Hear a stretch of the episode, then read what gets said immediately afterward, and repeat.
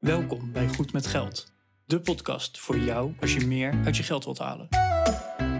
Je financiën op orde of eerder kunnen stoppen met werken? Schuif aan, want hier zijn we goed met geld.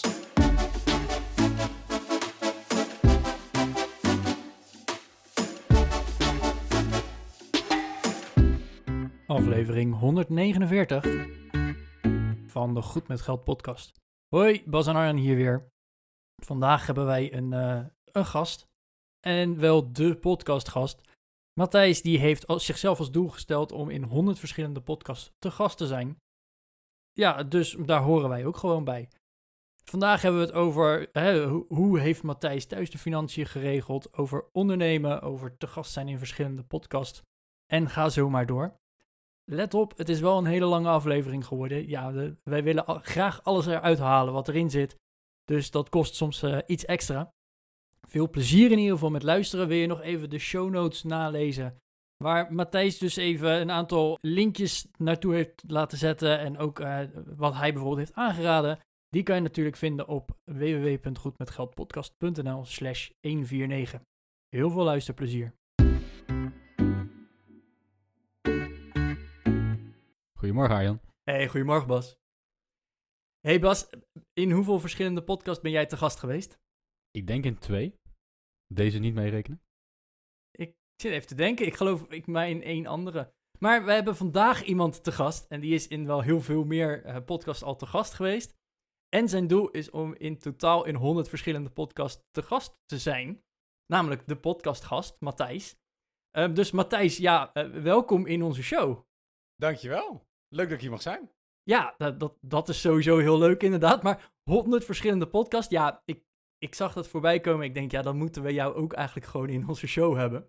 Eh, ik, ik hoorde een andere show waar jij te gast was. Eh, dat was bij ehm, Gerhard, eh, de Groeivoer podcast. Goeie voor podcast. Ja. Ja, en ja, dat, dat was zo'n lekkere show. Ik denk, ja, die Matthijs die moeten wij ook hebben. Oh, dankjewel. Dus ik weet niet hoeveelste podcast wij zijn. Maar ja, Eh, dat hangt ook altijd... Ja, iedereen vraagt het. Dat hangt er ook af van wanneer die uitkomt. Want je hebt best wel... Je hebt mensen die nemen zeg maar, een podcast op en die komt de volgende dag uit. En je hebt ook best wel wat mensen die nemen hem nu op en die komt over drie maanden. Maar er staan er momenteel op mijn Instagram 31, denk ik. 31. Dus het zou zomaar kunnen zijn dat jullie nummer 32 zijn als je, als je vlot bent. En als we niet vlot zijn, dan wordt het 35. joh. Ja, dan zit je op 35 of zo. Ja, er hangen er nog een paar hangen er in de lucht. En die komen, die komen ook binnenkort uit. Dus het, het loopt gewoon lekker door.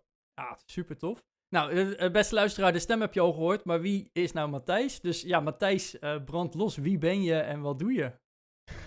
nou, ik ben Matthijs. Ik ben de podcastgast. En ik ben eh, fan van praten met mensen en van vragen stellen. En daar wilde ik beter in worden. Ik podcast al een jaar of drie. Ik heb een Formule 1 podcast, de Pole Position podcast. En dus gewoon met een vriend van mij een uur lang lullen over Formule 1, eigenlijk na iedere, iedere race. En dat was zo leuk dat we bedachten om steeds meer andere podcasts te gaan doen. En ik ben in van alles geïnteresseerd. Ik heb eh, ADD, dus ik schakel lekker snel. En ik vind alles vind ik in ieder geval voor 10 minuten heel interessant. En op een gegeven moment had ik een lijstje met allemaal podcasts die ik wilde beginnen. En ik denk, ja, dit, dit, kan niet. Je, kan niet in je eentje 10 verschillende podcasts hebben. Weet je wat ik moet doen? Ik ga gewoon bij al die verschillende podcasts ga ik op bezoek. En zo was een beetje, ik deed al hier en daar wat, wat podcasts van vrienden van mij die een podcast hadden en die dan iemand nodig hadden om ze te interviewen. En toen dacht ik, nou ja, weet je, 1 en 1 is 2, mensen hebben dat nodig, ik vind het leuk om te praten. Bam, ik ga gewoon podcasten. Ehm, en ik, ik hang er een leuk doel aan vast en het doel is 100 verschillende podcasts. Ehm, en daarnaast ben ik, ehm, ik ben zelfstandig ondernemer. Ik heb een e-commerce business. Ik eh, werk als, eh, als ZZP'er in de e-commerce om eh, bedrijven echt op, eh, op marketplaces in heel Europa te helpen. Ehm, en ik, eh, ik help hier en daar ook wat bedrijven en andere podcasts met het podcasten. Cool. Wauw. Druk, een druk leven zo te horen. Ja, ik verveel me niet. Nee. Nou, ik, ik hoop in ieder geval dat de, de eh, J-spannen langer dan is dan 10 minuten in deze podcast. Maar dat, eh, ik denk dat dat wel goed gaat komen. Volgens mij, ja. Maar ehm, ja, dan, dan toch deze podcast. Geld. Ja, super interessant, toch? Het is super interessant en eh, nou, ik denk dat 99,9% van de, van de bevolking ermee te maken heeft in ieder geval. Maar toen jij de uitnodiging kreeg voor de Goed met Geld podcast, wat was toen het, het eerste wat in je opkwam van hey, we moeten het over geld gaan hebben? Wat, wat kwam er in je op? Oh, ik, ik, ik weet hier te weinig vanaf. Was misschien mijn eerste insteek. Eh, en toen heb ik een, een, een meeting gehad met jou, Arjen. En toen bleek, nou ja, weet je, ik ben er natuurlijk toch wel wat mee bezig. Eh, als, als ondernemer moet je wel, zou ik bijna zeggen. Ehm, en eh, ik vind geld altijd heel interessant. Ik heb het altijd interessant gevonden. En ik ben echt iemand die, eh, die gemotiveerd is, ook door geld. Ehm, maar omgekeerd is het wel iets waar ik eigenlijk gewoon te weinig verstand van heb, constant. Eh, waarin ik altijd voel dat of iets wordt meteen super ingewikkeld. Of ik durf iets niet te doen omdat ik eigenlijk net te weinig verstand heb van hoe het dan wel zou moeten. Ehm, ehm, of het nou gaat om, weet je, om, om beleggen of om eh, eh, leveraging of om crypto of om wat dan ook. En ik doe die dingen allemaal een beetje. En ik kreeg je uitnodiging. Ja, ja, goed, weet je, ik bedoel, nu heb ik de tijd om twee experts gewoon helemaal aan de tand te voelen over alles wat ik verkeerd doe. En, en, eh, en kan ik ook even vertellen hoe ik het dan als leek een beetje aanpak. Ja, het is wel leuk dat je in ieder geval een, eh, nog, een, nog een andere reden hebt om mee te doen dan dat wij nummertje 35 van de 100 zijn. Dus dat is sowieso top. Nee, nee, zeker. hey, maar jij, eh, jij, jij geeft aan, eh, geld, is, geld is natuurlijk wel interessant voor je, zeg je. Je bent ondernemer, dan denk ik dat je geldzaken een beetje regelen. Het is sowieso je eigen verantwoordelijkheid, want iemand anders gaat het niet voor je doen. Ja. Ehm, neem ons eens mee terug, toen, jij, toen jij een kleine Matthijs was. Hoe, hoe ging het toen met geld om? ook toen had ik een penny spaarpot. Hey, ik ook. Of, of, of we die nog kennen. Ja, ja. Van die dit- sleufjes, dat je dan zo'n ding... Een Ja, ja zo'n hele ja, grote ja. blauwe. En dan kon je ze in en dan kon je een andere pincode. En uiteindelijk kon je dat ding openbreken. En, nee, ja, ik was, ik was eigenlijk altijd eh, best wel zuinig. Als kind. Dus ik, ik was echt zo'n kind wat alles spaarde. Wij kregen zakgeld en ik kreeg echt niet heel veel zakgeld. Ik heb altijd wel moeten werken voor mijn geld. Dus thuis was dat, eh, weet je, dan kon je klusjes doen. Als je dan het gras maaide, dan kreeg je 50 cent of zo. Weet je, Oh dat ja. soort dingen. Naast zakgeld wat je kreeg. Ehm, en ik spaarde altijd heel veel. Ik spaarde echt totdat ik eh, zelf ging werken. En toen ben ik een hele tijd ook gewoon wel heel veel uit gaan geven. Of niet, niet echt gaan sparen. Weet je dan, ik weet nog dat het eerste spaardoel wat ik had was 1000 euro op mijn rekening, volgens mij. Eh, en dat duurde heel lang voordat ik daar kwam. En, en dat heeft, heel lang is dat 1000 euro geweest. En werd dat ook niet heel veel meer. Weet je, alles dan boven de 1500 euro, dat werd gewoon uitgegeven. Nou ja. En dan word je op een gegeven moment word je student. En nou ik, ik werkte daarnaast nog ehm, ehm, om het een beetje te bekostigen. En toen was het ook wel een beetje, weet je, ik heb ook wel genoten van het leven. Ik heb niks bijgeleend, maar ik heb wel genoten van het leven als student ook. Ja, ja dus dan, dan spaar je wel, maar dan spaar je met het doel om uiteindelijk eh, eh, ja, voor een consumptiedoel, zeg maar. Ja, dan spaar je voor je volgende vakantie. Eh, Ja. Je volgende trip naar Seagate of een, eh, weet ik veel, een nieuwe spijkerbroek of zo. Het zijn allemaal dat soort kleine dingetjes. Ehm, en toen was ik echt nog niet zo bezig met, eh, hier moet ik iets mee doen of, nee, zeker niet. En hoe kijk je er nu tegenaan? Ja, met spijt. Ja, we hadden het er net over. je. Dus, hoe, eerder je, hoe eerder je ergens instapt, hoe beter het is. En, en ik ben op heel veel plekken nog steeds niet ingestapt. Nee, ja, wel ook met. Je, je doet ook wel domme dingen met geld, denk ik. Ehm, omgekeerd, je moet ook gewoon een beetje leven. Dus ik heb, ik heb geen spijt van hele grote dingen die ik toen gedaan heb. Eh, maar wel dat ik denk. Goh, eh, had ik me bij een paar. Weet je, het- het- ik weet niet. Als je begin twintig bent, dan klinkt het heel saai om na te denken over je pensioen. Of over het beleggen van geld. Want ik heb maar zo weinig en ik wil het gewoon nu uitgeven. Hmm. Ehm, het is niet alsof ik heel erg over heb. En dat is wel iets wat ik misschien eerder had willen veranderen. Ik heb, daarna ben ik gaan werken. En toen heb ik eh, best wel snel best wel wat stappen gemaakt. En ook in loondienst ben ik, eh, ben ik in een paar jaar tijd echt flink meer gaan verdienen. Maar eh, het is niet alsof ik per maand heel veel meer overhield. Dus je uitgavenpatroon stijgt heel erg mee met je, eh, met je, met je loonstrookje. Oh, dat, dat denk ik zeker. De, de- de levensstijl-inflatie noemen ze dat ook wel eens. Hè? Dat Ja, nou ja, 100%. Op het, op het moment dat je inderdaad 100 euro per maand meer gaat verdienen, ga je misschien wel 80 of 90 euro meer per maand uitgeven aan eh, boodschappen, een duurdere auto of eh, eh, meer kleding kopen.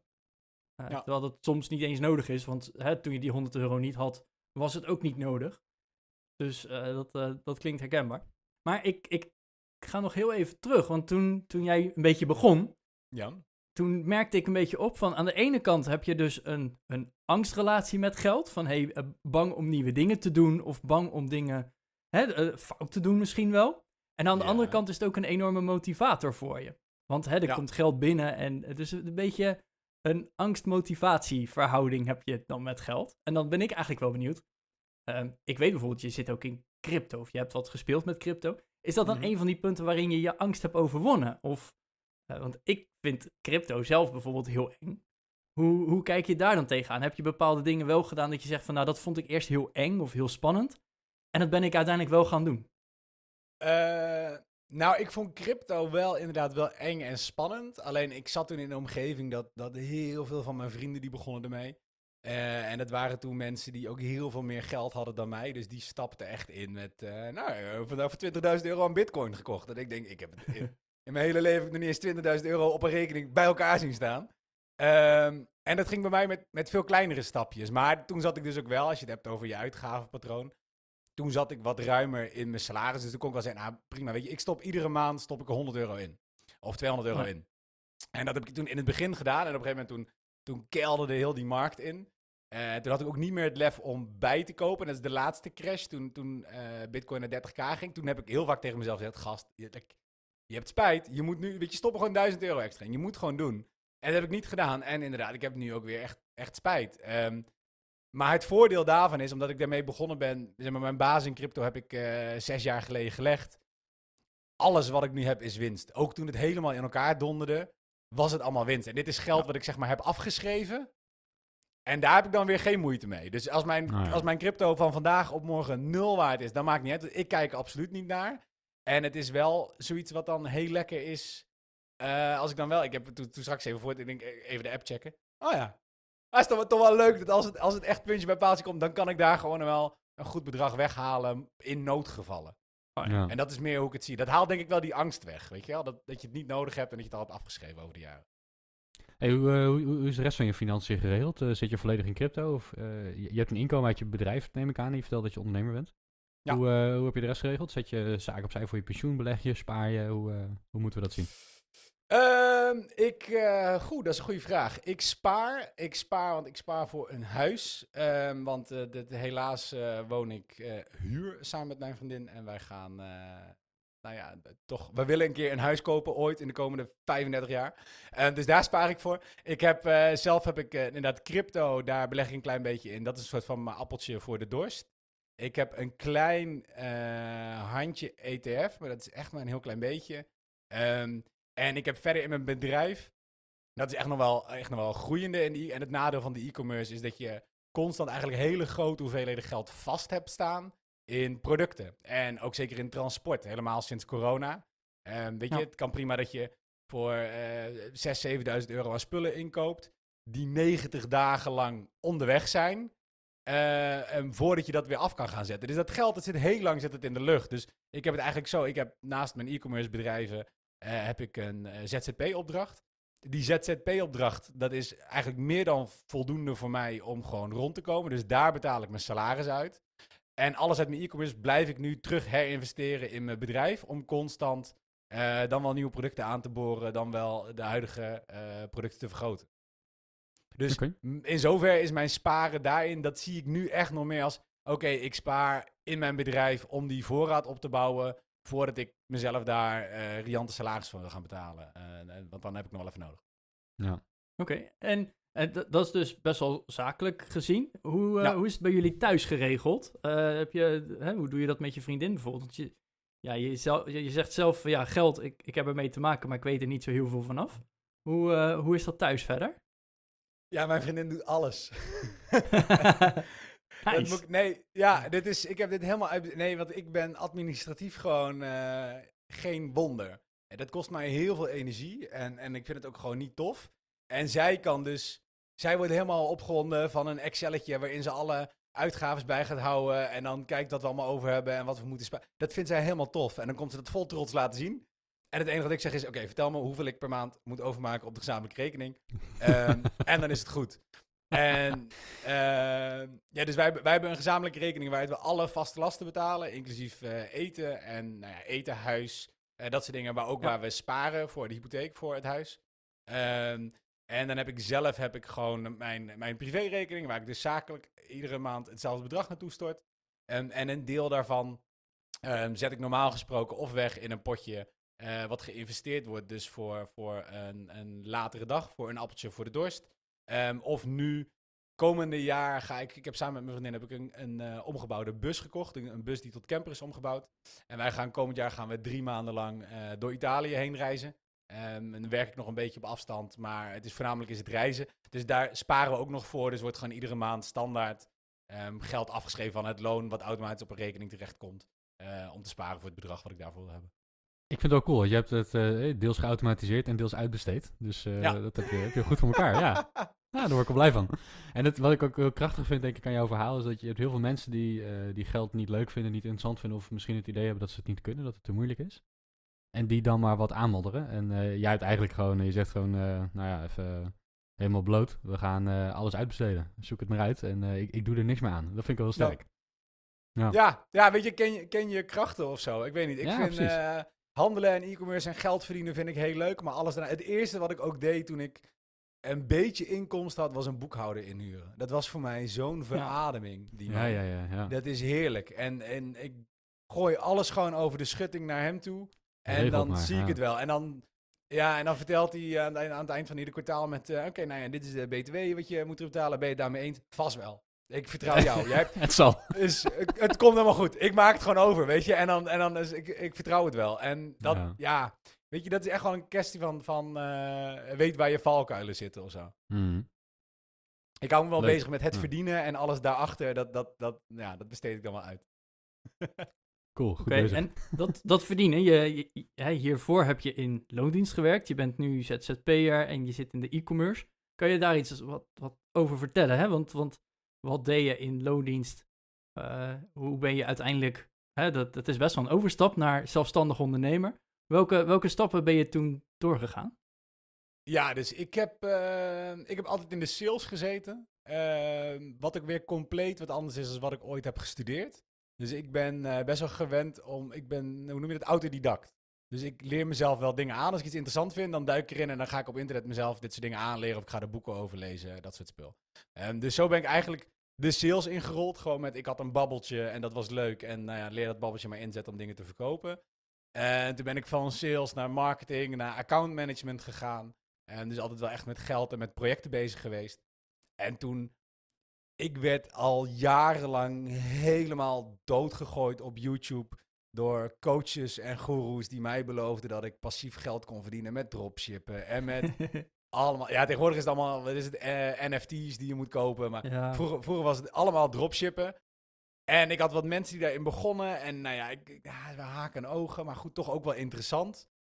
Vooruit, ik begin maar een keer. En ik ben gewoon heel erg gaan, gaan, gaan googlen. En eerst begonnen met een soort van print-on-demand eh, shop. En dat liep niet heel erg, maar dat was gewoon... Je, kon het helemaal automatiseren. En dat was een beetje mijn truc. Is, ik wist een beetje hoe ik een website moest bouwen.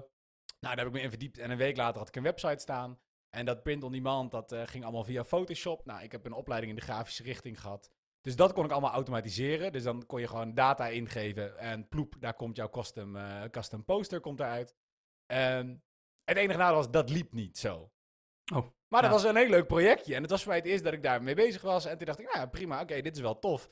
Ehm, wat kan ik nog meer doen? Nou ja, toen kwam een beetje de e-commerce markt voorbij. Want ik denk, dropshipping, dat, dat, dat gaat niet zijn ik begin hier heel voorzichtig in. En het voordeel is dat het, weet je, dat zijn allemaal dingen waar je met zo weinig geld in kan beginnen. Dat als je het ziet als een hobby, en dat zou ik iedereen aanraden die dat voor het eerst wil gaan doen, ja, dan is het prima te doen. Je kan prima met eh, 500 euro kan je, kan je beginnen. Ehm, en en nou ja, 500 euro als je het niet hebt liggen, dan kan je daar toch wel redelijk naartoe werken. Dat je dat hebt liggen, maar ik neem aan dat als je deze podcast luistert, dat het, er- dat het er wel is. Eh, en je hebt, je hebt verder heb je helemaal niet zoveel nodig. Het is allemaal vrij simpel en alles staat op internet. Je moet alleen alle linkjes een beetje aan elkaar leggen. Voor, voor mijn idee, dat, dat e-commerce is dus dat je voor 500 euro koop je iets uit eh, een producerend land, en bijvoorbeeld in China. Ja. En dat laat je dus hierin komen als één groot pakket. En vanuit hier heb je dus een webshop op internet van hey, Ja. dit verkoop ik en eh, dat stuur je dan weer per post door. Ja. Ja. Oké. Zo, zo simpel kan het zijn. Ehm, en dat doe je nou ja, of via je eigen website of via een marketplace. Amazon, Bol. eh, en zo heb je nog, nog, nog vele andere. Ehm, en dat is heel gechargeerd, is dat het spelletje. Je koopt het in, je haalt het hier naartoe, je verkoopt het en je zorgt dat het bij de mensen aankomt. En tuurlijk, dat is heel gechargeerd en het is echt wel lastiger. Maar ja, ik dacht, nou goed, weet je, als zij dat kunnen, dan kan ik dat ook. Dus ik ben gewoon gaan googlen en gewoon gaan proberen. En ik had mazzel dat het de eerste keer bij mij meteen best wel goed lukte. En als je dan ziet, oké, ik heb van die 500 euro die ik net heb ingestopt, heb ik eh 1000 euro gemaakt. Maar dat is, dat is toch wel leuk. Ja, Als Ik bedoel, kikker. Dan, dan kom je er daarna achter dat je nog ongeveer 30% af moet dragen aan de belastingdienst. En dat je de BTW ook nog af moet dragen. En, en dan, dan blijft er opeens wel wat minder over. En dat zijn een beetje de beginnersfouten die je maakt. Eh, maar dat was gewoon best wel interessant. En dan, ja, dan, dan, dan is het vanaf daar groeit het gewoon. Ja, leuk. Ge- geld maken is gewoon heel leuk en heel verslavend, inderdaad.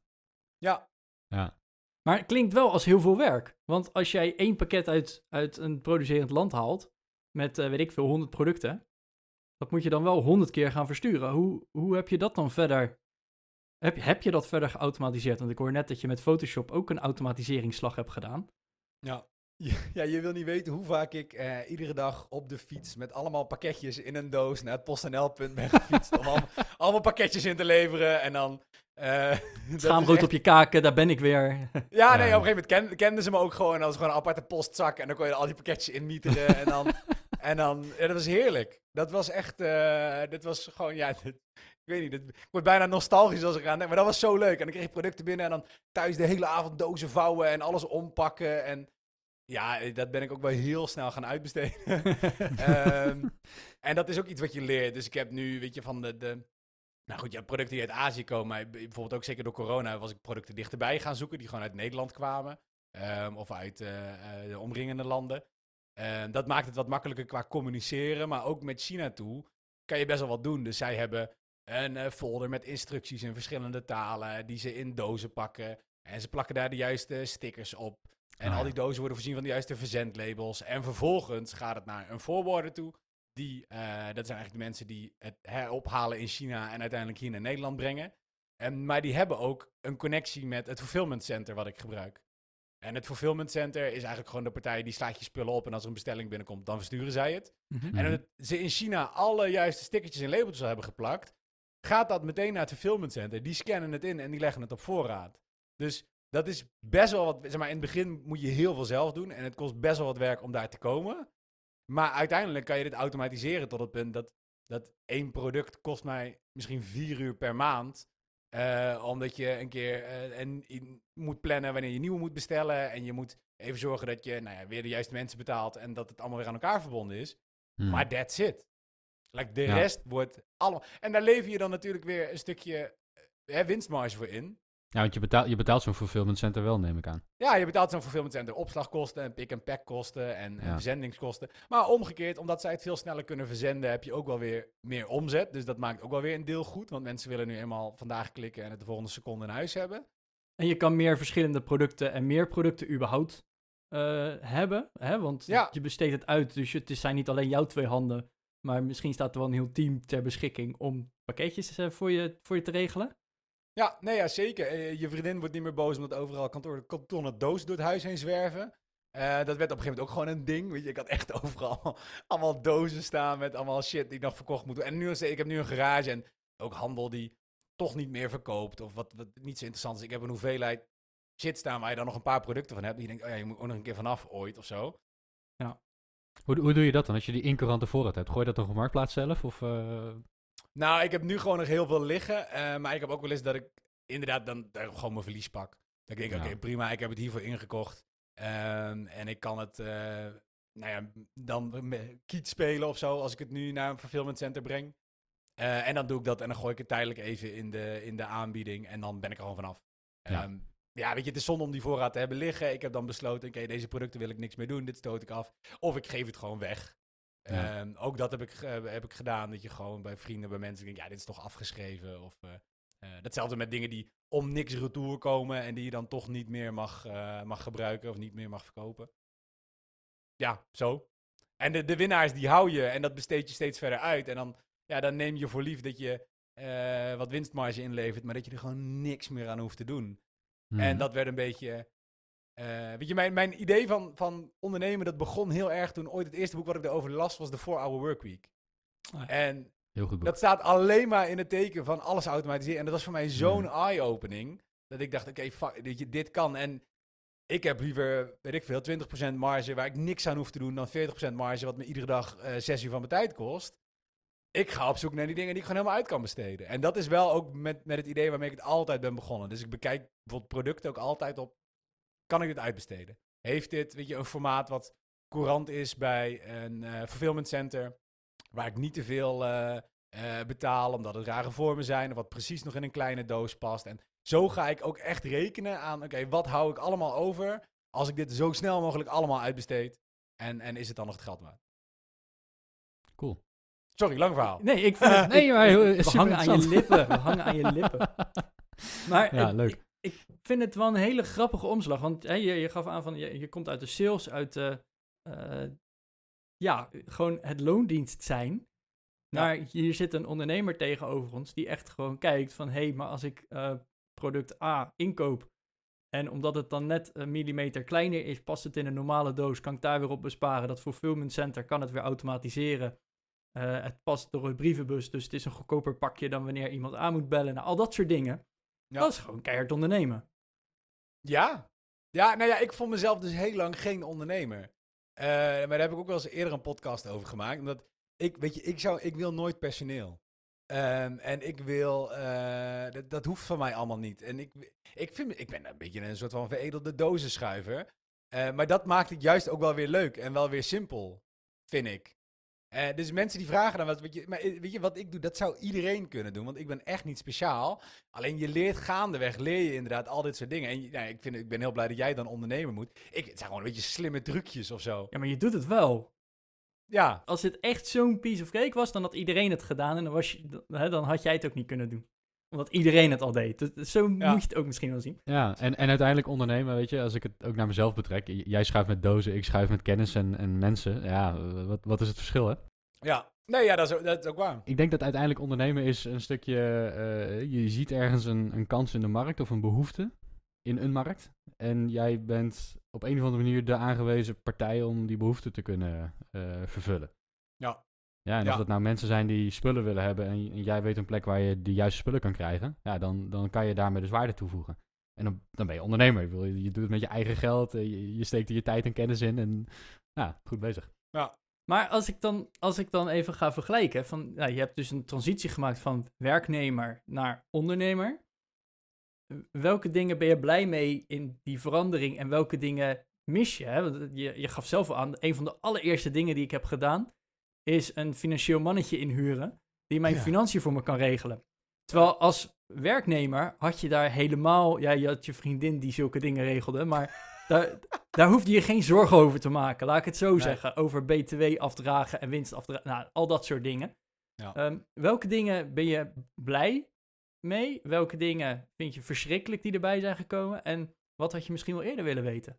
Oké, hele goede vraag. Ehm, kijk, waar ik blij mee ben, en dat is een beetje cliché, maar dat noemt iedereen altijd vrijheid. Weet je, het idee dat je kan gaan en staan waar je wil en dat je dat kan doen. Dat was ik zeker in het begin heel blij mee. Toen ik echt fulltime, was alleen maar bezig met die e-commerce business. Mhm. Ehm, had ook een keerzijde, en dat was omgekeerd.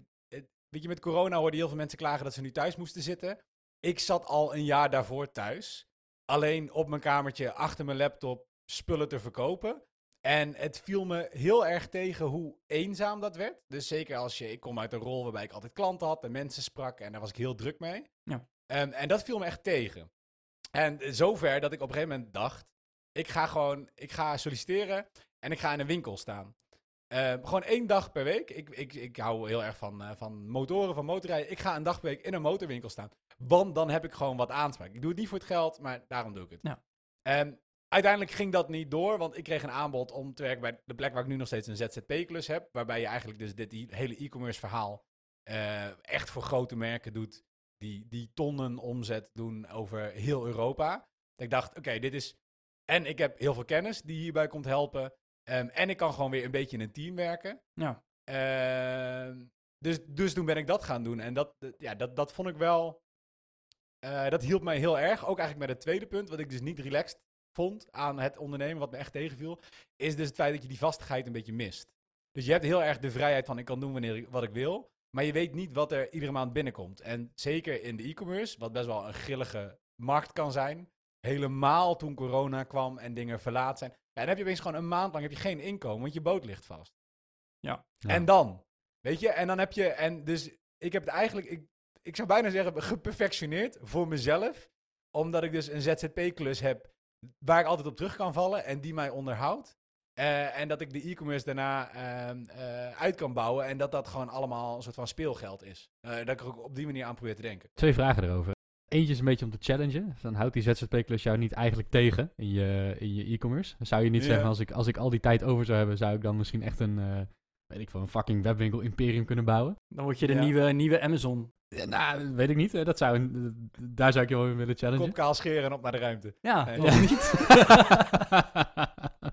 Come on Jeffrey, you can do it. Ja.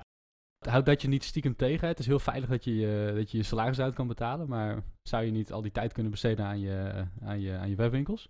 En dat is één vraag. En de andere vraag is, wat heb je nodig om je webwinkels te laten, eh, te laten groeien nu? Is dat kapitaal? Is dat kennis? Zijn dat nieuwe producten? Ehm, Oké, eh, eerst houd het me tegen. Ja, ook. En, en daar ben ik me ter degen van bewust. En, maar dat doet bijvoorbeeld de podcastgast ook. Dus ik doe dit als, als, als hobby. En ik heb me een beetje verkeken op hoe ontzettend veel tijd dit kost. Eh, naast dat ik dus wekelijks al eh, zelf een podcast doe. En dan nog wekelijks één of twee keer met andere mensen podcast. En je moet nog social media kanalen onderhouden, waar ik ontzettend slecht in ben. Ehm, en, en, uitbesteden, uitbesteden. ja, nou ja, uitbesteden. Ja, maar dit, dit is natuurlijk dit is allemaal, allemaal hobby. Dus de klussen Ja. die ik in podcast doe voor bedrijven, dat levert dan wel geld op. Maar dit is allemaal Ja. hobby. Nee, ja, ik heb te weinig uren in een dag. En een heel deel daarvan gaat echt naar die ZZP-klus. Omgekeerd, eh, ik doe daar nog steeds ook zoveel kennis op over het op grote schaal handelen binnen Europa. ehm, dat ik dat te waardevol vind om los te laten. Zelfs als het betekent dat ik zelf kan groeien. Ik zie dit bedrijf heel hard groeien. En dat is super tof om daar een onderdeel van uit te maken. En ook gewoon een belangrijk onderdeel van te zijn. Hmm. Ehm, en ik weet dat zij ook heel blij zijn met mij. Dus ja, dus nee, weet je, ik ben nog niet, uit- niet genoeg uitgeleerd. Ik denk dat over vijf jaar, dan heb, je, weet je, dan heb je een punt. Dan zit je waarschijnlijk een beetje in hetzelfde stramien en met je klanten. En dan heb je alle marketplaces wel uitgespeeld. Dan heb je 100% gelijk. Maar voor nu, ja, ik weet niet. Ik leer er meer van dan dat het me tegenhoudt, denk ik. Oké. Als ik daarop toe mag voegen, want dat punt gaf je eerder al aan. Je miste het om in een team te werken. Je, je zat Ja. eigenlijk alleen maar zelf te werken op jouw kamertje thuis. eh, in je eentje, nog voordat corona begon. En ik denk dat dat ook wel een, een factor is die de rest gaande houdt. Het feit dat je dus die twee dagen in een team kan werken, geeft je wel Ja. genoeg energie en motivatie om ook die andere drie dagen zelfstandig weer te kunnen werken. Ik denk dat het ja, misschien wel eens bijna nodig is om, om die sociale contacten te hebben. En hè, of je dat dan inderdaad doet door een flexibele werkplek te hebben waar andere ondernemers ook aan het werk zijn. Of eh, inderdaad nu als ZZP'er bij een ander bedrijf werkt. Ik denk dat dat ook gewoon een positieve bijdrage heeft aan gewoon jouw ja, eh, well-being, laat maar zeggen. Ja. Ja, nee, zeker. En het, heeft, en het haalt dus ook gewoon, ja, ik zeg gewoon, een deel van de stress weg van als je gewoon een wisselend, een wisselend inkomen hebt vanuit je ondernemerschap. Ja. En dus, weet je, dus dat is echt, die stabiliteit, dat is wel iets wat ik onderschat heb. Aan de ene kant, als je in loondienst zet, zit nu en je luistert dit en je denkt, ik wil gaan ondernemen, want ik wil ontzettend vrij zijn. eh, besef je dat het is allemaal wat je denkt dat het is. En het is super awesome en het is helemaal vrij. Omgekeerd, je hebt ook geen idee wat je nu mist tot het weg is. Want als ik mijn vriendin zie, die dan, eh, dan krijgt ze weer vakantiegeld. Of dan krijgt ze in de dertiende maand. En dan, eh ze hoeft nooit rekening te houden met... eh, eh, oh ja, wacht, eh, van alles wat binnenkomt moet ik zoveel opzij zetten. Want de Belastingdienst komt volgend jaar langs. En weet je, dat soort dingen heeft zij allemaal niet. En dat is toch ook wel onderschat hoe lekker dat kan zijn. Of bijvoorbeeld als je ziek wordt. Eh, ik bedoel, ik kan eh, half ziek, zwakker, misselijk... vanaf de bank met een laptop ook nog wel wat werk doen. Maar je hebt natuurlijk ook heel veel ondernemingen waarin dat ook echt niet kan. Eh, waarin je ook echt een probleem hebt. En dan nog, weet je, als ik echt ziek zou worden, dan heb ik ook een probleem. Eh, dus ja, onderschat dat niet. Ja. Ehm, en om eh, je andere vraag, Bas, was wat ik nu nog nodig heb. Wat heb je nodig om je webshops verder te laten groeien? Ja, is kapitaal. Ja? Dat is echt kapitaal. Ja, ja nog steeds. En dat is ook dat, hoe groot cashflow problemen zouden zijn, dat was bij mij ook gewoon niet bekend. Maar daar heb ik ook nog steeds last van, omdat ik eigenlijk nog steeds aan het opschalen ben. En dan gaat het echt maar om een paar producten. Maar waarbij je gewoon niet op tijd groot genoeg in kan kopen en het hier kan krijgen. En dat heeft voornamelijk te maken met alle vertragingen die in de e-commerce wereld op, eh, op eh, verschepen zitten van spullen. Mhm. Dat is een hele grote uitdaging. En ik heb nog, ja, ik heb nog een paar producten al op de loer een hele tijd. Ik denk, ja, weet je, ik, ik wil hier instappen en dit, dit, dit staat al helemaal kant en klaar. Ik weet al wat ik wil doen en hoe ik het aan moet pakken. nu heb ik nog 20.000 euro nodig om het voor elkaar te krijgen en, en die heb ik niet. Dat Ja. is het. Ja, ja. Ja, dat lijkt me dan ook wel lastig. Dat je toch ook dan zegt van ja, dat, dat geld, het zit eigenlijk... Ja, ik zie het een beetje voor me als in een wolk. Hè, van, eh, het zit in je product, het zit in je transport. Nou, dat transport, je zegt zelf al, het duurt zes maanden voordat het hier is. Dan moet het nog verkocht worden. Hè, dus voordat Ah, drie je... maanden, drie maanden. Sorry? Ik zei drie maanden. Oh, drie maanden. En Nou, tegenwoordig is het gelukkig al... Het, het zou een maand moeten duren. De laatste keer was het bijna drie maanden. Ja, en daar heeft nog een boot vastgezeten in het Suezkanaal. Ja, in het Suezkanaal. Ja, ja, ja, ja, het, het containertekort. En het kost ook ondertussen tien keer zoveel om een container hierheen te halen. Hè, dat, dat, Ja. dat, dat zit er ook nog allemaal bij. Maar ik, die frustratie kan ik me dan ook wel indenken. Van het, van het moment dat jij je geld uitgeeft om zo'n product te kopen, tot het moment dat jij weer je geld hebt, ben je gewoon een paar maanden verder, voordat je weer dus nieuwe spullen kan kopen. Ja. Eh, en dan hoop je daartussen nog ergens marge erop te halen, dat je iets meer kan kopen de volgende keer. Maar het is dus eigenlijk een cirkel van steeds een paar maanden. En je kan dus niet in één keer zeggen van, hé, hey, eh, ik heb 20.000 euro extra, hey, klap erop en gaan. Nee, ja, dat zou echt wel ideaal zijn. Weet je, dat je, dat je toch denkt, ik doe... eh, ik koop dat en dan koop ik echt groot in en ik leg het hier in een, in een loods. En je wordt een soort van fulfillment center van je fulfillment center. Mhm. Omdat alles op schaal gewoon uiteindelijk veel goedkoper wordt. Maar ja, dat blijft al tricky. En wat vooral tricky blijft, dat vond ik in het begin. Als je dus het basis e-commerce is best wel makkelijk. En dat zijn heel veel mensen die halen spullen vanuit China hier naartoe. En die doen er niks mee. Dat is, als je er eenmaal in zit, herken je ze ook meteen. Dat is bijna allemaal AliExpress meuk. Nou, jouw grote nadeel is dat je als je denkt, oh wauw, ik heb een product gevonden en dit is best wel cool. En dit, nou, dit ga ik inkopen en je eerste lading gaat goed en je stopt er serieus geld in. En op het moment dat jouw spullen onderweg zijn, begint iemand met exact hetzelfde product. Voor een euro goedkoper. Ja, ik wil zeggen, voor een dupje minder, ja. En, en dat is ook wel echt iets wat, wat zowel stressvol is om dus iedere keer te denken, oké, ik moet er nog meer geld in stoppen en ik hoop dat het dit keer goed gaat. Ehm, totdat je op een gegeven moment leert, oké, ik moet op bepaalde vlakken onderscheidend zijn. En een heel groot punt wat je daar mist, wat ik eigenlijk iedereen aan zou raden die al in de e-commerce zit, of die er net mee is begonnen, is dat je dus heel veel mensen ziet die niet snappen hoe de cijfertjes werken. En die Hmm. producten gaan verkopen voor prijzen waarvoor zij verlies maken. Maar dat snappen ze niet omdat zij geen idee, omdat ze eigenlijk niet per product een soort van goede berekening hebben van wat hun uiteindelijke kosten allemaal zijn en wat zij uiteindelijk allemaal af moeten dragen. ja. Heb jij dat voor jezelf wel? Heb je een soort rekenmodel gemaakt dat je weet Ja. van, nou, ik ga nu eh 100 stuks eh, van een, eh, weet ik veel, Ja. van iets inkopen, 100 doosjes. Eh, dat kost me, eh, weet ik veel. Ik zeg even wat hoor, kost me 3000 euro inkoop. Maar daar komt nog dit bij, daar komt nog dat bij, zus en boem, boem, boem. En uiteindelijk kost het me geen 3, maar 5000 euro om dat spul hier in de winkel te hebben liggen. Ja. Heb je eh, Ja, nee, zeker. Ja. Ja, en dan teruggerekend naar, oké, dus dit is wat het me kost per product uiteindelijk om het bij een klant te krijgen.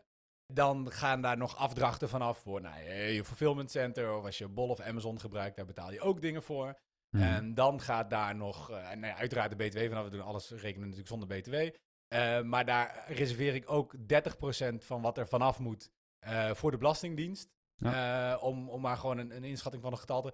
En dat is uiteindelijk mijn winstmarge. En, Ja. en dan, dat heb ik gewoon heel duidelijk per product met de prijzen die ik hanteer. En dat betekent voor mij ook dat ik kan schommelen. Dat ik op bepaalde momenten denk, stel ehm, eh, er komt een, een, een vrachtschip heeft vertraging. Nou, dan verhoog ik het prijs van mijn product met een euro of met Mhm. 1,50 euro. Dan zie ik dat de verkopen teruglopen. Terwijl dat is grappig genoeg, zit daar best een soort van consistentie in. En dan weet ik, oké, nou, ik, ik doe langer met de voorraad die ik heb. Maar ik pak meer marge en ik verkoop niet uit. Dus het is mij het waard tot het volgende product. En omgekeerd weet ik ook, oh, nou ja, prima. Ik vind het goed om er tijdelijk een euro minder per product op te verdienen. Als ik zie dat ik, nou ja, weet je, dat ik 10% minder marge pak, maar dat ik 25% meer verkoop. Ja. En dan kan je ideale prijzen gaan bepalen. En dan wordt het pas echt interessant. En het nadeel is dat je heel veel mensen hebt die dat niet doen. En die komen jou- jouw product verkopen, om het zo maar te zeggen. Dat ik denk, ja, er zijn twee fabrieken in China die dit maken. Eh, ik weet wat zij rekenen. Ik weet wat dit kost. Jij kan het niet hiervoor verkopen en, en de geld aan overhouden. Maar ja, die zitten drie, vier maanden jou in de weg. Voordat zij dat uiteindelijk beseffen en ze vaak ook weer verdwijnen. Ik wou zeggen, want uiteindelijk lost dat probleem zich natuurlijk vanzelf op. Ja, maar ja, dat betekent wel dat jij, Ja. dat jij drie, vier maanden echt gewoon tegenvallende verkoop op je product hebt. En dat Ja. is een soort uiteindelijk spel waar je zeker op marketplaces, dus als je een eigen webshop hebt, heb je daar veel minder last van. Maar zeker op marketplaces heb je daar heel veel last van. En zoals je erover praat, en ja, voor de luisteraar, wij hebben ook beeld erbij, dus hè, wij zien ook iemand praten. ik zie bij jou, Matthijs, dat er ook iets van een passie dan bij komt. Het over die cijfers en die doorberekening en noem maar op.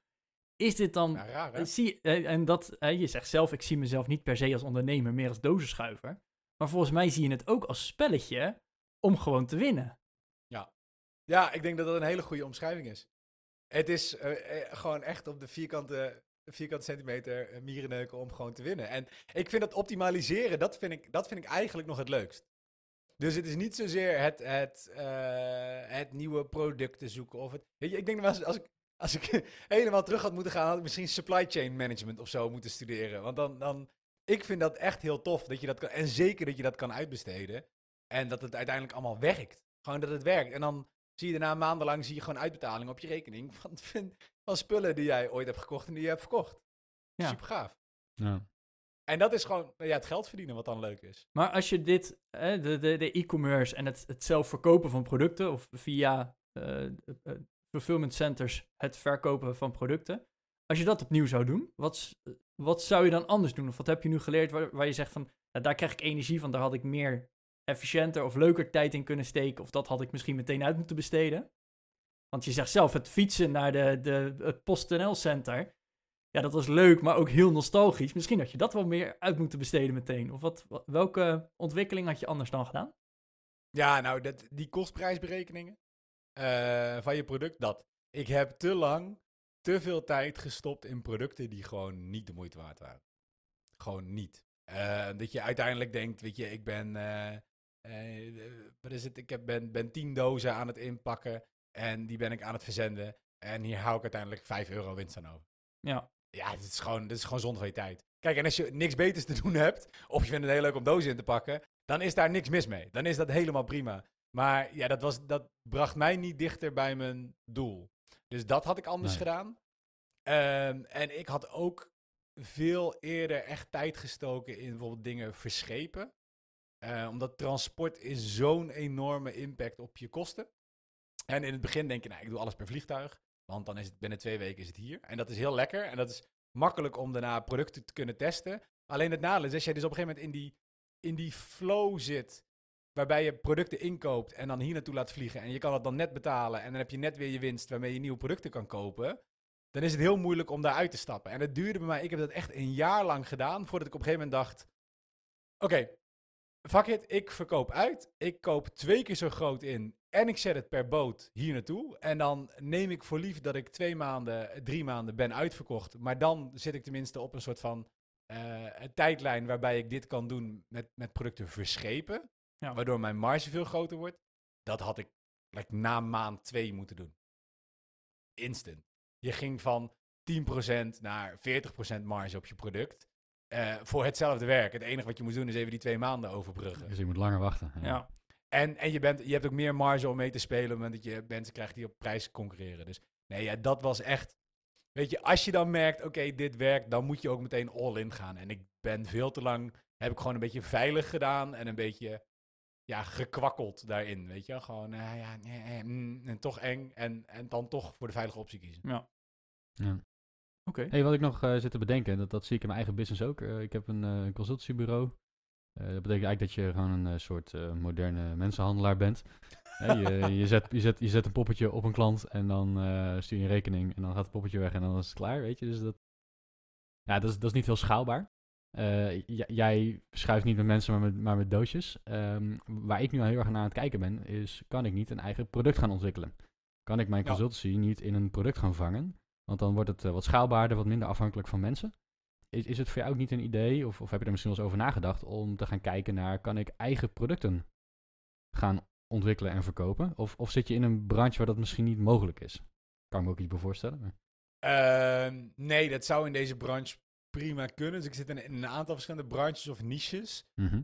En, en natuurlijk overal ja, bestaan producten, dus heb je ook de mogelijkheid om een product te ontwikkelen. Het is voor mij meer dat ik gewoon, dat is wel een soort van end goal. Om Ja, dat te doen. Om te voorkomen dat die concurrent het voor een tientje goedkoper doet. Ja, nee, ja, misschien 100%. wel een, eh, maar, ja. maar dat is dus, en dan wordt het met flinke passen wordt het een stuk complexer. Mhm. Eh, want je moet, die, nou, dat, één, het kost heel veel geld. Je hebt heel veel geld voor nodig. Eh, maar je moet dan echt ehm, eh, connecties hebben met, met fabrieken die dat kunnen voor, je, voor je kunnen produceren, in welk land dan ook.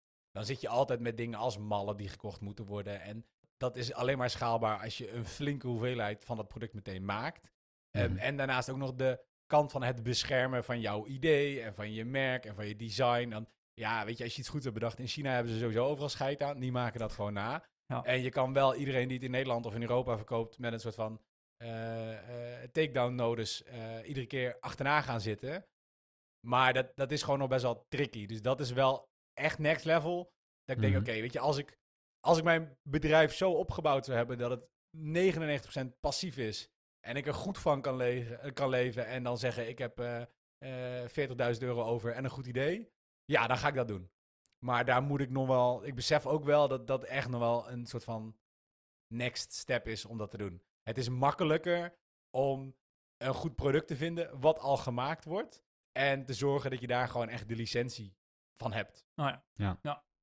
Dat werkt beter. En dat is ook wel iets wat ik heel erg geleerd heb. Dus in het begin ga je kijken met, nou ja, die shit die je het liefst zo goedkoop mogelijk op internet kan kopen en die voor zoveel mogelijk kan verkopen. Daar zit iedereen op en daar zijn heel veel namakers van. Maar je hebt ook gewoon producten die echt uniek zijn en die, weet ik, in Amerika gemaakt worden en gekocht. En daar doen ze het ontzettend goed. Maar zij hebben geen kanaal in Europa. En als jij kan zorgen dat jij een, een eh, licentiecontract krijgt, of dat jij op een manier hun leverancier kan worden, omdat jij al Europese e-commerce kanalen hebt, die ik nu aan het opbouwen ben, dan wordt het ook interessant. Want dan heb je iets, soort van beproefd recept. En, en ja, als je dat allemaal zelf had bedacht en verzonnen, dan zijn uiteindelijk je marges misschien groter. Maar je wint vijf jaar in de tijd en je, je weet ik hoeveel minder risico om dat te kunnen doen. Oké. En dan heb je het meer over high-end producten. Dus dat is de volgende, ja. eh, ook de volgende stap, denk ik. Cool.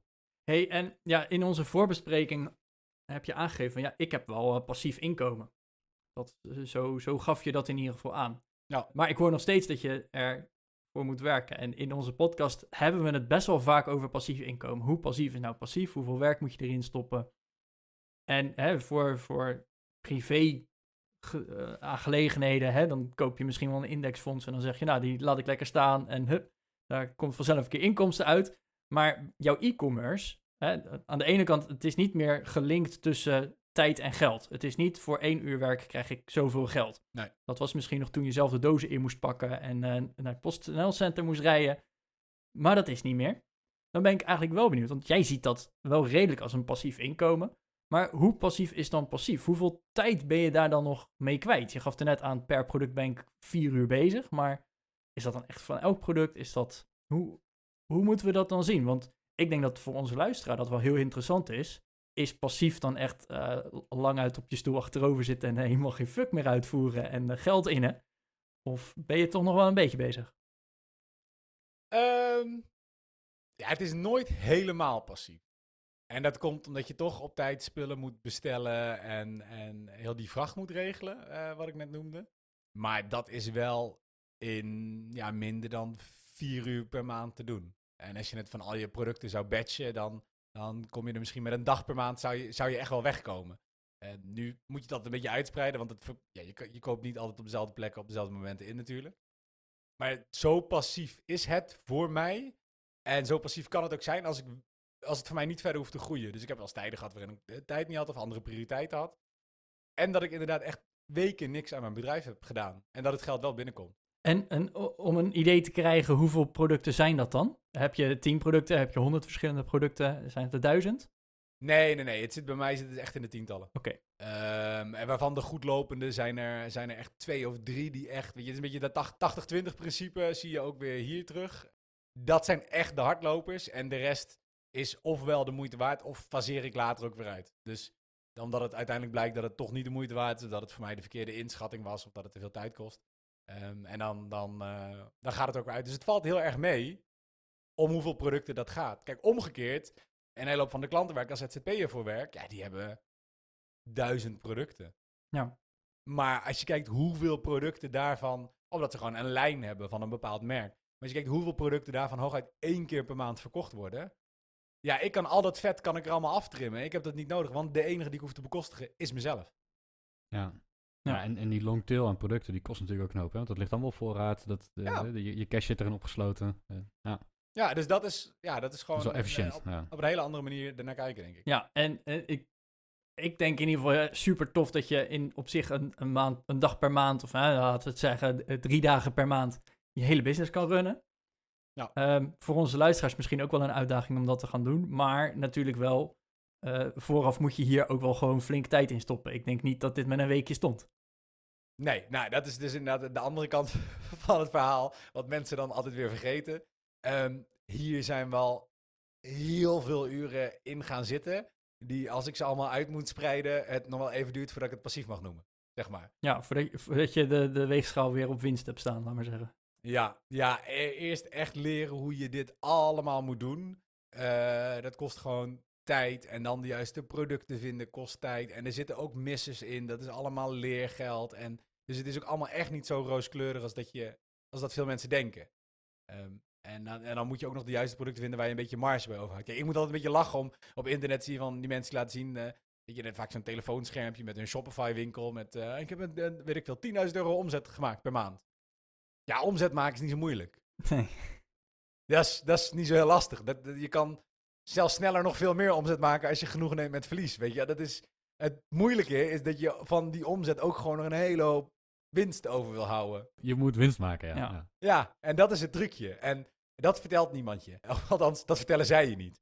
En dus nee, ja, dat is wel. En dat maximaliseren, en dat kost echt wel gewoon veel tijd. Omgekeerd, naarmate je het één keer hebt gedaan, wordt het ook wel steeds weer makkelijker. Dus voor ieder nieuw product wordt het weer een stukje makkelijker. Ja. ja, want je fulfillment center, dat staat al. En dat heb je, die linkjes heb je bijvoorbeeld al. Dus dat hoef je niet nog een keer uit te zoeken. Om een eh, Ja, voorbeeld te ja en geven. de forwarder zit er en je weet hoe je om moet gaan met, met Chinezen eh, qua handel. En dit bedoel ik helemaal niet vervelend, maar weet je, het is een hele andere manier van onderhandelen en toch ook wel een andere cultuur. En, en je spreekt elkaar alleen maar via zo'n chat Mhm. vaak. Ehm, ja, dat, daar leer je gewoon wel in met hoe positioneer je jezelf, dat je ook niet gewoon genaaid wordt met je inkoopprijzen en, en hoe vind je de juiste mensen. Dat Ja. zijn ook wel eh, trucjes die je leert. Oké, oké. Nou, echt. Ja, ik vind het super interessant. Hey Matthijs, eh, bedankt voor al je eh, informatie. We hebben jou de oren van je kop gevraagd en jij hebt ons de oren van de kop geluld. Eh, dat, eh, je gaf aan, eh, als ik op de praatstoel zit, dan ga ik los. Dat heb je gedaan en eh, nou, dank daarvoor. Ik denk dat het hele, hele waardevolle informatie was. Ik vond het in elk geval wel. Ehm, maar als ik het me goed eh, herinner, had je ook nog een paar vragen voor ons. Dus ik zou zeggen, brand los. Ja, zeker. Ja, ik, omdat ik, ik vind Fire vond ik altijd een heel interessant idee. Ik ben ook lid van de Fire Reddit en, en ik vond het super cool, maar ik heb het uiteindelijk een beetje losgelaten. Maar een van de dingen die mij heel erg hielp, of eh, qua realisatie, is dat ik vroeger dus hoe meer geld ik verdiende, hoe meer ik uitgaf, waardoor ik weer meer moest gaan verdienen. Hè, die, die lifestyle-inflatie.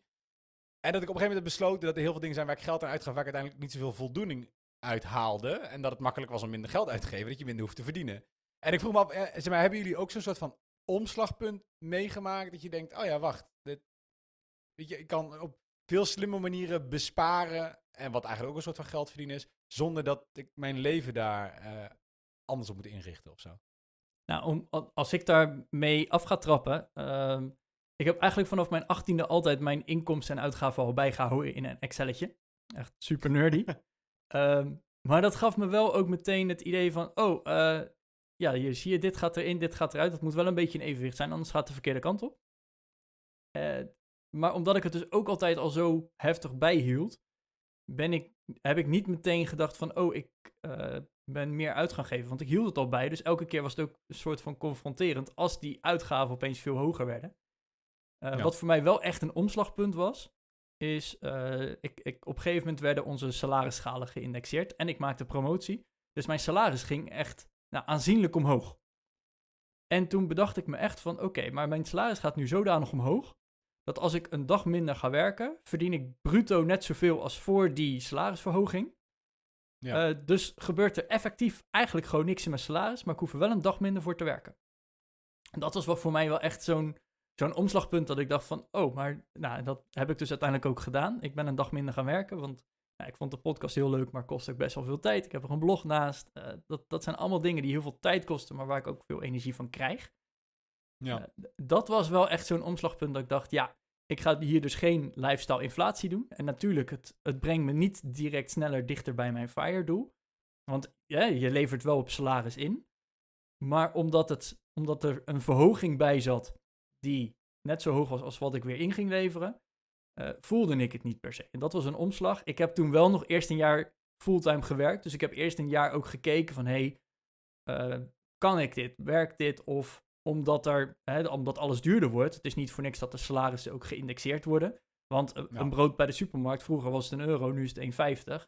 Eh, alles wordt ook gewoon duurder. Dus om ook eerst te kijken van, hey, kan dit? Of zit het alleen maar zo in mijn hoofd en is het op papier leuk, maar werkt het niet? Eh, maar dat was voor mij wel echt een, eh, een omslagpunt daarin.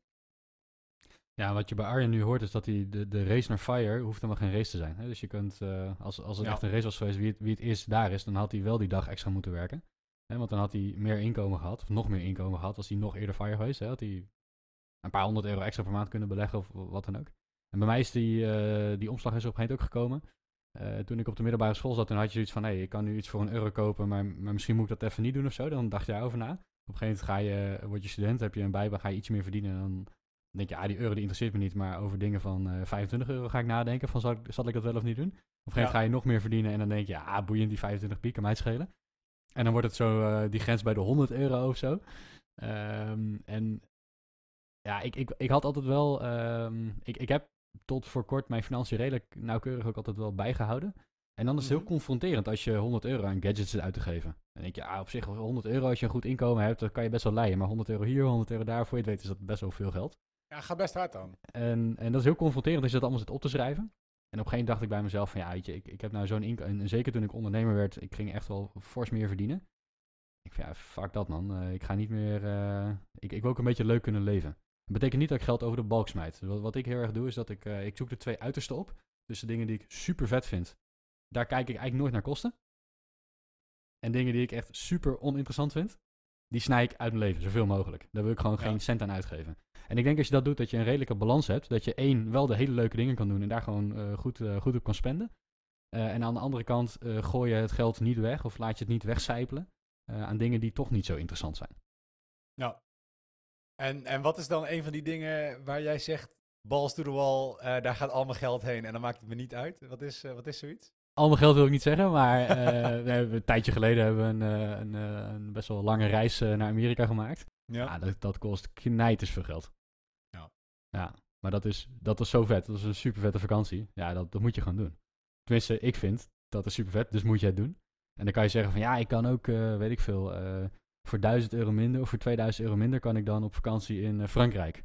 En voor nog een keer 500 euro minder kan ik op een camping in Nederland gaan staan. En voor nog een keer 500 euro minder ga ik niks meer doen. Ja. Ja, weet je, dat, dat wordt zo'n zo'n race naar de bodem. En daar, eh, voor, voor leuke dingen vind ik de race naar de bodem het gewoon niet waard. Ja. ja. Maar bijvoorbeeld mijn energiecontract, ja, nu op dit moment met de huidige gasprijzen is dat niet, eh, misschien niet een heel goed voorbeeld. Maar ik ben dan wel zo iemand die elk jaar overstapt. Kan mij het nou schelen of Nuon of Essent of wie dan ook de stroom door mijn stopcontact heen zit te duwen. Stroom is Ja. stroom. Dus ik wil gewoon elke cent die ik minder kan betalen, die betaal ik minder. Dus daar zit ik wel heel erg bovenop. Ik wil dat niet verspillen. En ook eh, dingen als abonnementen of zo. Ja, hetzelfde verhaal. Eh, Net, Netflix abonnement heb ik, want die gebruiken we veel. Eh, Spotify, idem. Ehm, maar ik heb niet eh, alle abonnementen op kranten, op weet ik veel wat voor onzin die ik toch niet gebruik. Want Ja. dat, dat vind ik verspilling. Ik heb wel een wat duurder sportabonnement. Dat vind ik heel leuk om te doen. Ja. Dus, dus daar betaal ik. Dat had ik vroeger misschien niet gedaan. Ik dacht, oeh, dat vind ik wel, dat vind ik wel veel geld. En ook, het is niet eenmalig, maar het is een maandelijkse commitment. Hè? Dus dat is, dat is een wat vastere uitgave. Dat had ik misschien niet gedaan. En nu denk ik, van, ja, dat vind ik super vet om te doen. Dus wil ik daar ook geld aan uitgeven. Maar aan de andere kant ga ik niet nog een abonnement op, de, op het FD nemen, omdat ik één keer per maand er een leuk artikel in kan lezen of zo, weet je wel. Dat, Dan is het je geld ook gewoon niet waard. eh. nou, nou, dus zo kijk ik er wel naar, ja. ja. En hebben jullie vroeger dan allebei ook wel eens dingen gelaten, omdat je dat op dat moment zeg maar te duur vond? Of dat was, dat was het geld niet waard, dat matcht niet met je, met je fire-doel? Terwijl je daar misschien een beetje op, ja, op teruggekomen bent of zo? Of toch een beetje spijt van hebt? Oeh. Nou, gelaten wil ik niet per se zeggen. Ehm, maar toen je de vraag stelde, kwam er wel meteen in mij naar boven. Van, ik hield het zo bij dat elke keer dat ik geld uitgaf, dat ik dat in mijn hoofd eigenlijk al in mijn Excel aan het zetten was. En dat, dat, dat ik ook wist van, hé, hey, hier heb ik best wel hard voor moeten werken. Vind ik dat dan niet zonde? En dat, dat ging echt van nou, biertjes in de kroeg tot aan eh, weet ik het wat. En eigenlijk nu Ja. nog steeds. En dat vind ik nu soms wel eens... Ik, ik ben misschien wel heel voorzichtig daarin. En vooral met spullen kopen. Dat ik denk, oh, dit lijkt me wel heel grappig. Maar dan wil ik er eigenlijk geen spijt van krijgen. Eh, omdat het dan best wel dure spullen vaak ook weer zijn. Dus ik ben best wel Ja. voorzichtig in eh, miskopen en de kat in de zak kopen en er langer over nadenken. Eh, bijvoorbeeld, ik heb AirPods En die heb ik dus in de aanbieding gekocht. En nu ik ze eenmaal heb, ik heb ze ondertussen al een jaar en ik gebruik ze zo vaak. die had ik misschien ook wel een jaar eerder willen kopen. Terwijl ik heb, ik heb ook gewoon bij je iPhone zitten ook van die draadjes. En eh, ik heb een, een koptelefoon die prima is met Bluetooth, met noise cancelling, noem maar op. Dus ik had ze eigenlijk niet nodig. Als ik ze nu nog steeds niet had gehad, had ik ze ook niet gemist. Maar nu ik ze eenmaal heb, Ja. weet ik dat ik ze misschien ook wel gemist zou hebben. En dat zijn allemaal van die dingen. Ik, ik ben misschien wel bang om een kat in de zak te kopen. En ik ben best wel eh, richting minimalisme. Ik, ik vind het vervelend om dingen weg te gooien. Dat vind ik gewoon zonde. Het, het- is ook niet goed voor het milieu om heel veel uit te geven en maar te blijven consumeren. Dat vind jij misschien dan niet leuk als e-commerce persoon. Maar hè, d- dat is be- best wel iets wat, wat mij persoonlijk aangaat. Ik vind dat we de wereld niet naar de knoppen moeten helpen. En dan helpt e-commerce en, en het steeds maar kopen. Dat helpt daar wel aan bij eh, om het eh, een verkeerde kant op te helpen. Zeker in de mate waarin we dat op dit moment doen. Dus ik ben daar ook vanuit die kant, maar ook wel vanuit de financiële kant, best wel voorzichtig in dat ik zeg van ik wil niet een, zak, een, een kat in de zak kopen of eh, spijt krijgen dat hè, ik koop nu AirPods en over twee weken dan is het dopamine-effect uitgewerkt en liggen ze in een hoekje ver weg. Want eigenlijk had ik ze niet nodig. Ja, maar dan, want ik herken dat wel ook, dat je zegt dat je, dat je een beetje moet genieten van het geld dat je dan wel uitgeeft. Eh, zeg maar, dus, hè, jij zei- want anders dan ga je, bij alles ga je naar terugrekenen van, oh, hier moet ik zoveel uur voor werken. Of, weet je, en dan dat neemt ook een beetje het genieten weg van dat biertje wat je dan bestelt.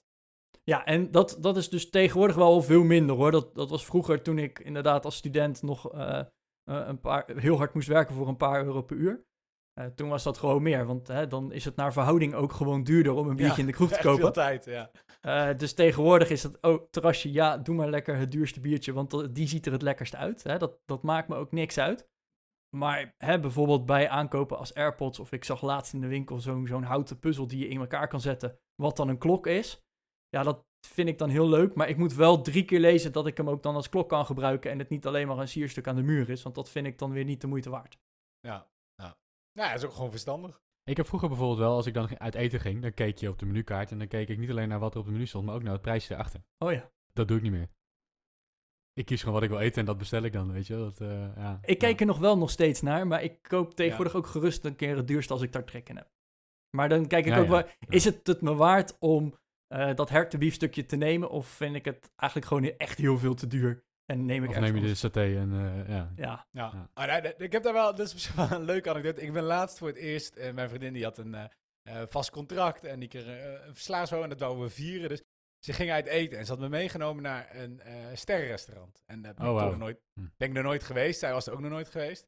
En we hebben daar gezeten en uiteindelijk, nou goed, wel, ik zie, weet je, zij betaalt, nou dat vind ik altijd lekker. Maar nee, je had gewoon, ja, we wilden ook nergens echt op beknibbelen of zo. Goed, dan, nou, dan moet je wijn kiezen en oké, dan heb je wel een verschil tussen een fles van 40 of een fles van 100 euro. Nou ja, goed, dan, ik proef dat toch niet zo. Laten we dan maar aan de goedkope kant zitten. Maar verder, heel die avond was gewoon, ja, was gewoon geregeld en was klaar en was super. Was zo'n vette ervaring en we hebben daar drie uur lang gezeten.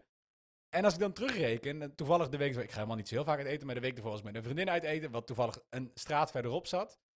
En dan waren we, voor de helft van het geld, hebben we daar zeg maar een uurtje gezeten. En dat was lekker en dat was prima, maar dat was niet wauw of zo. ja. En dit Ja. is, ik denk, als ik het alleen al terugreken naar de drie uur, want dat duurt natuurlijk super lang, want je hebt een gangetje en dan weer wat drinken en dan een gangetje. tussendoortje, ja. Als je dat terugrekent, ja, dan is per uur heb ik minder betaald voor de ervaring. Maar dat niet alleen, want de ervaring was ik gewoon drie keer zo cool als in Ja. het andere restaurant. Dus ik ben nu heel erg een voorstander van, oké, de hoeveelheid keren dat we per jaar uit eten gaan, en dat, ik bedoel, dat is nu niet eens eens per maand, maar laten we dat door de helft snijden. Maar laten we dan, dan gewoon, veel toffere echt doen. echt goed uit eten gaan. En Ja. dat je dan een keer in plaats van 50 euro per persoon, 100 of 150 euro per persoon kwijt bent. Ja, dat neem je dan maar voor lief. Ik bedoel, daar zit ook natuurlijk wel weer een grens aan. Hè? We gaan niet, niet te gek, maar dat neem je dan wel weer voor lief. Maar dat is het gewoon waard. Ja. Dat is het gewoon echt waard. Ja, en ik ben dus nog echt heel erg zoekende daarin ook van, hey, wat, wat is het me waard? Aan de ene kant, eh, waar kan ik op een, een legitieme manier wel op besparen of hè, op, op die manier? Eh, Ja. Bijvoorbeeld deze microfoon die ik nu voor mijn neus heb, is een prima microfoon.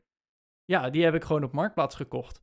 Voor de helft van het geld. Ja. Dus prima microfoon. En dat zijn allemaal overwegingen. En wat ik dan wel eens jammer vind, is dat het ook best wel veel tijd kost om dat allemaal uit te zoeken. En daar in die transitie zit ik ook nog wel een beetje van, hey, hoeveel tijd kost het me om een paar euro te besparen? Of hoeveel, hoeveel eh, kijk even op Marktplaats zoeken en een uurtje rijden om een microfoon voor de helft van het geld te kopen. Eh, nou, met deze microfoons is dat best wel de moeite waard, kan ik je vertellen. Ja, ja. Maar om eh eh, 5 of 10 euro een uur op en neer te gaan rijden, zou ik misschien niet moeten gaan doen. Jullie zijn eh, hier eh, de, de fire experts ook. Ik, eh, ik ken en snap het een beetje ehm, ehm, heel gechargeerd. Maar wat zijn twee grote misverstanden die mensen hebben over fire? Als je ze vertelt dat jij daarmee bezig bent. Vooropgesteld dat ze weten wat Fire is, dan is, Ja. de eerst, dan is het eerste misverstand van, oh, dan zal je wel goedkoop zijn. Ja? En dus inderdaad zo'n centenneuker die niks... Ja, dat is wel echt een... je, le- je leest het in de media best wel veel, hè. Er zijn tegenwoordig best wel veel, eh, veel kranten en, eh, en media die schrijven of praten over Fire. En eigenlijk zit er altijd een beetje de nuance in van... Mensen die Fire doen, die, die leven super zuinig om zo snel mogelijk te kunnen stoppen met werken. En dat is bij sommigen misschien wel zo, maar bij mij bijvoorbeeld niet. Ik kan niet voor anderen spreken, maar ik leef niet zo zuinig mogelijk. We hebben het net over gehad. Ja. Hè, Ja. wat, wat, wat doe je wel, wat doe je niet met je geld? Ja, als ik zo zuinig mogelijk zou leven, dan zou ik bepaalde dingen in mijn leven anders hebben ingericht. En uiteindelijk is FIRE, denk ik, uiteindelijk wil je uit je vermogen een inkomen gaan halen. Uit aandelen, uit vastgoed, uit nou, wat, wat voor vermogen dan ook.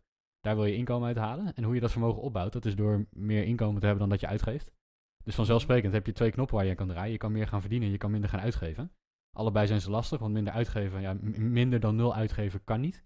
Ehm, meer gaan verdienen, dat is, dat is makkelijker in die zin dat er geen bovengrens aan zit. Maar moeilijker in die zin is dat ja, als jij in een baan zit en eh, dan, dan kan je niet zomaar het dubbele gaan verdienen of het tienvoudige gaan verdienen. Dat is als ondernemer heb je daar misschien wat meer, wat meer rekbaarheid in. Mhm.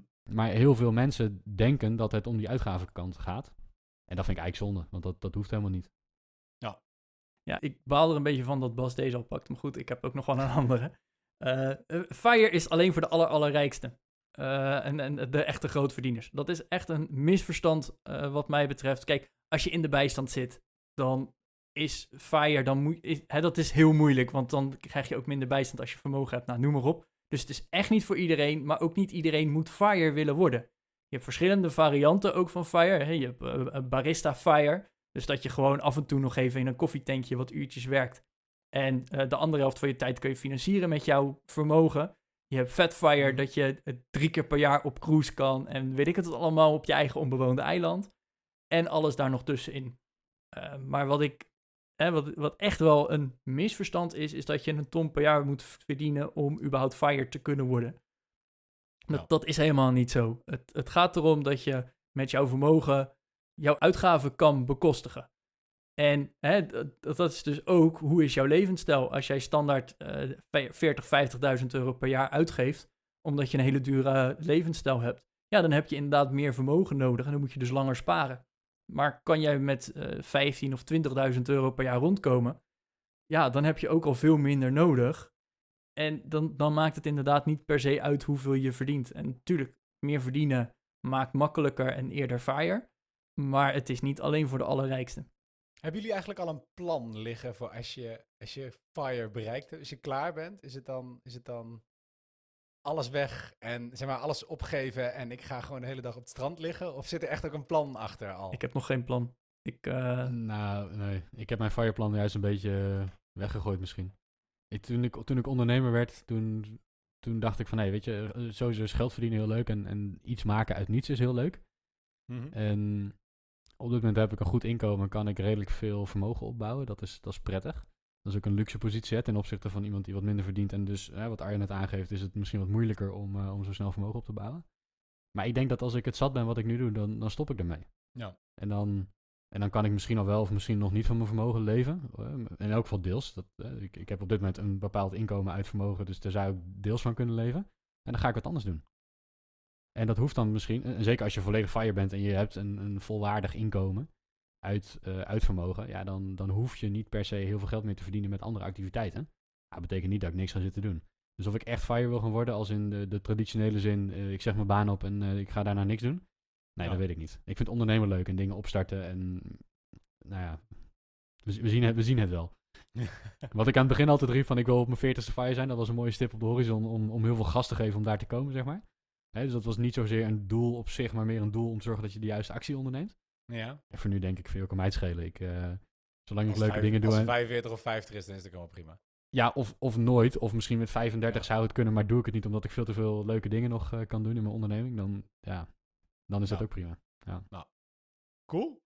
En eh, ja, met, met jouw vragenvuur gaan wij door naar ons vragenvuur, denk ik. Als de, ik hoop dat de luisteraar nog allemaal aan het luisteren is. Zitten ondertussen al ruim een uur in de opname. Dus Wakker worden. ja, de, ik, ik, ik, we gaan denk ik gewoon maar even flink vlot door de vijf vragen heen. Om deze aflevering ook weer tot een, eh, een goed einde te breien. Dus Matthijs, ja, ik ga gewoon maar beginnen. Wat is jouw allergrootste financiële blunder? Ja, mag dit in retrospect? Want dan is mijn grootste blunder, toen ik of 14, 15 was, was ik een ontzettende nerd. En ik keek iedere dag op Tweakers.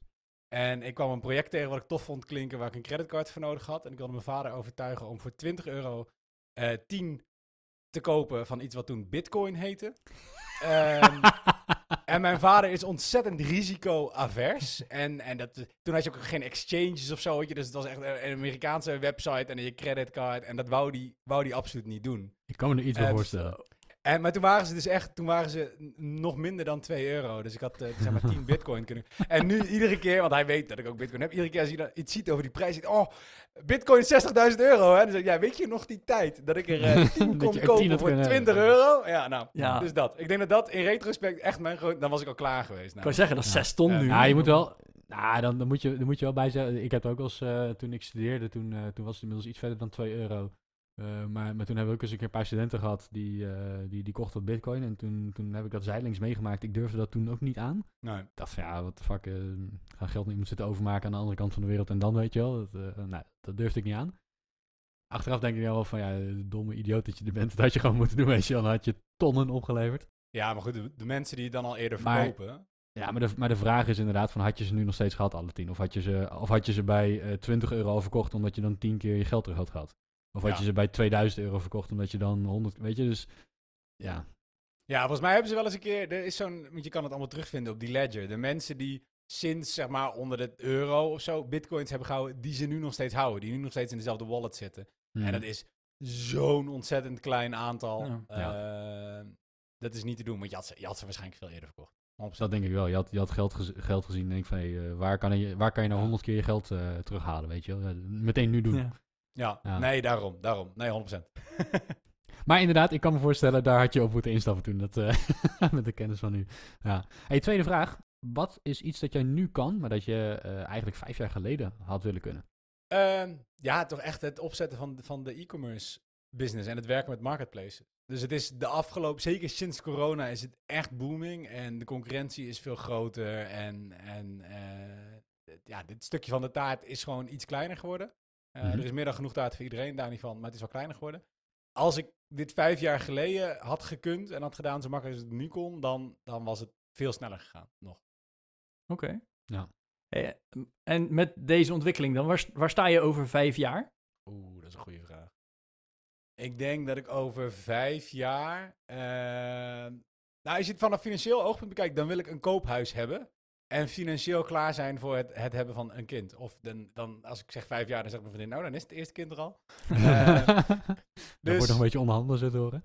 ja, dus dat. Dus ik denk dat dat voor mij, eh, ja, weet je, dat je gewoon echt een solide basis hebt. Dus ik, ik mag nu helemaal niet klagen. Eh, ga ik ook zeker niet doen. Maar het kan wel altijd beter. En het is niet dat ik denk, oh, nou ja, als ik dit volhoud, dan is het goed tot in het eind der tijden. Dus het moet allemaal nog wel wat groeien en wat zekerder. En ik denk ook dat, nou ja, zodra je een kind krijgt, dan heb je natuurlijk, komt je financiën komt er heel anders uit te zien. En heb je opeens ook nog een soort van een tweede leventje waar je ook voor moet wil, wil gaan sparen Ja. en, en dat soort Mm. dingen.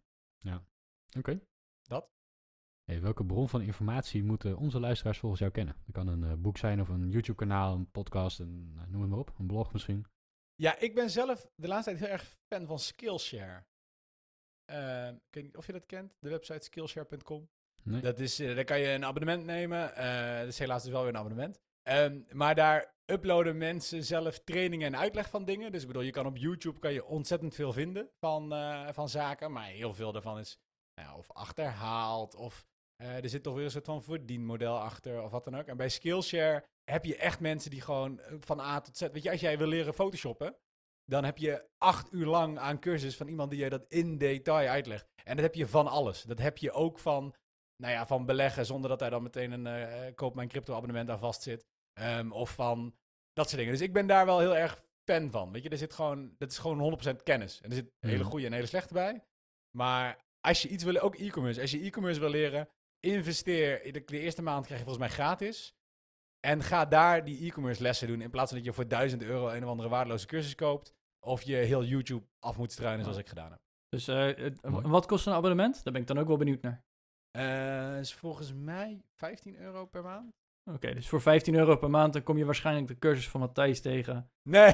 Die de cursus heeft geschreven na een cursus gevolgd te hebben. Cursus Na, na schrijven. een cursus moet je... Ja. Nou ja, dat is tegenwoordig natuurlijk ook helemaal hip, je eigen cursus eh, maken. Ik ben, ben toevallig met iets bezig. Nee.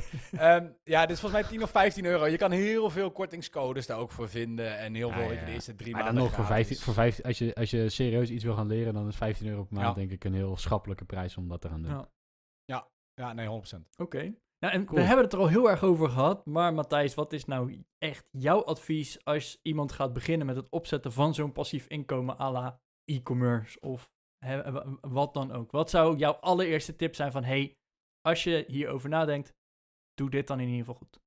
Ehm, Oké, doe dit goed. Begin hiermee. Mag ook. Ja hoor. Ja, eh, nou, mijn eerste ding is als je hierover nadenkt en je hikt hier al een tijdje tegenaan. En je bent bang dat je niet alles weet om te beginnen, ga gewoon beginnen.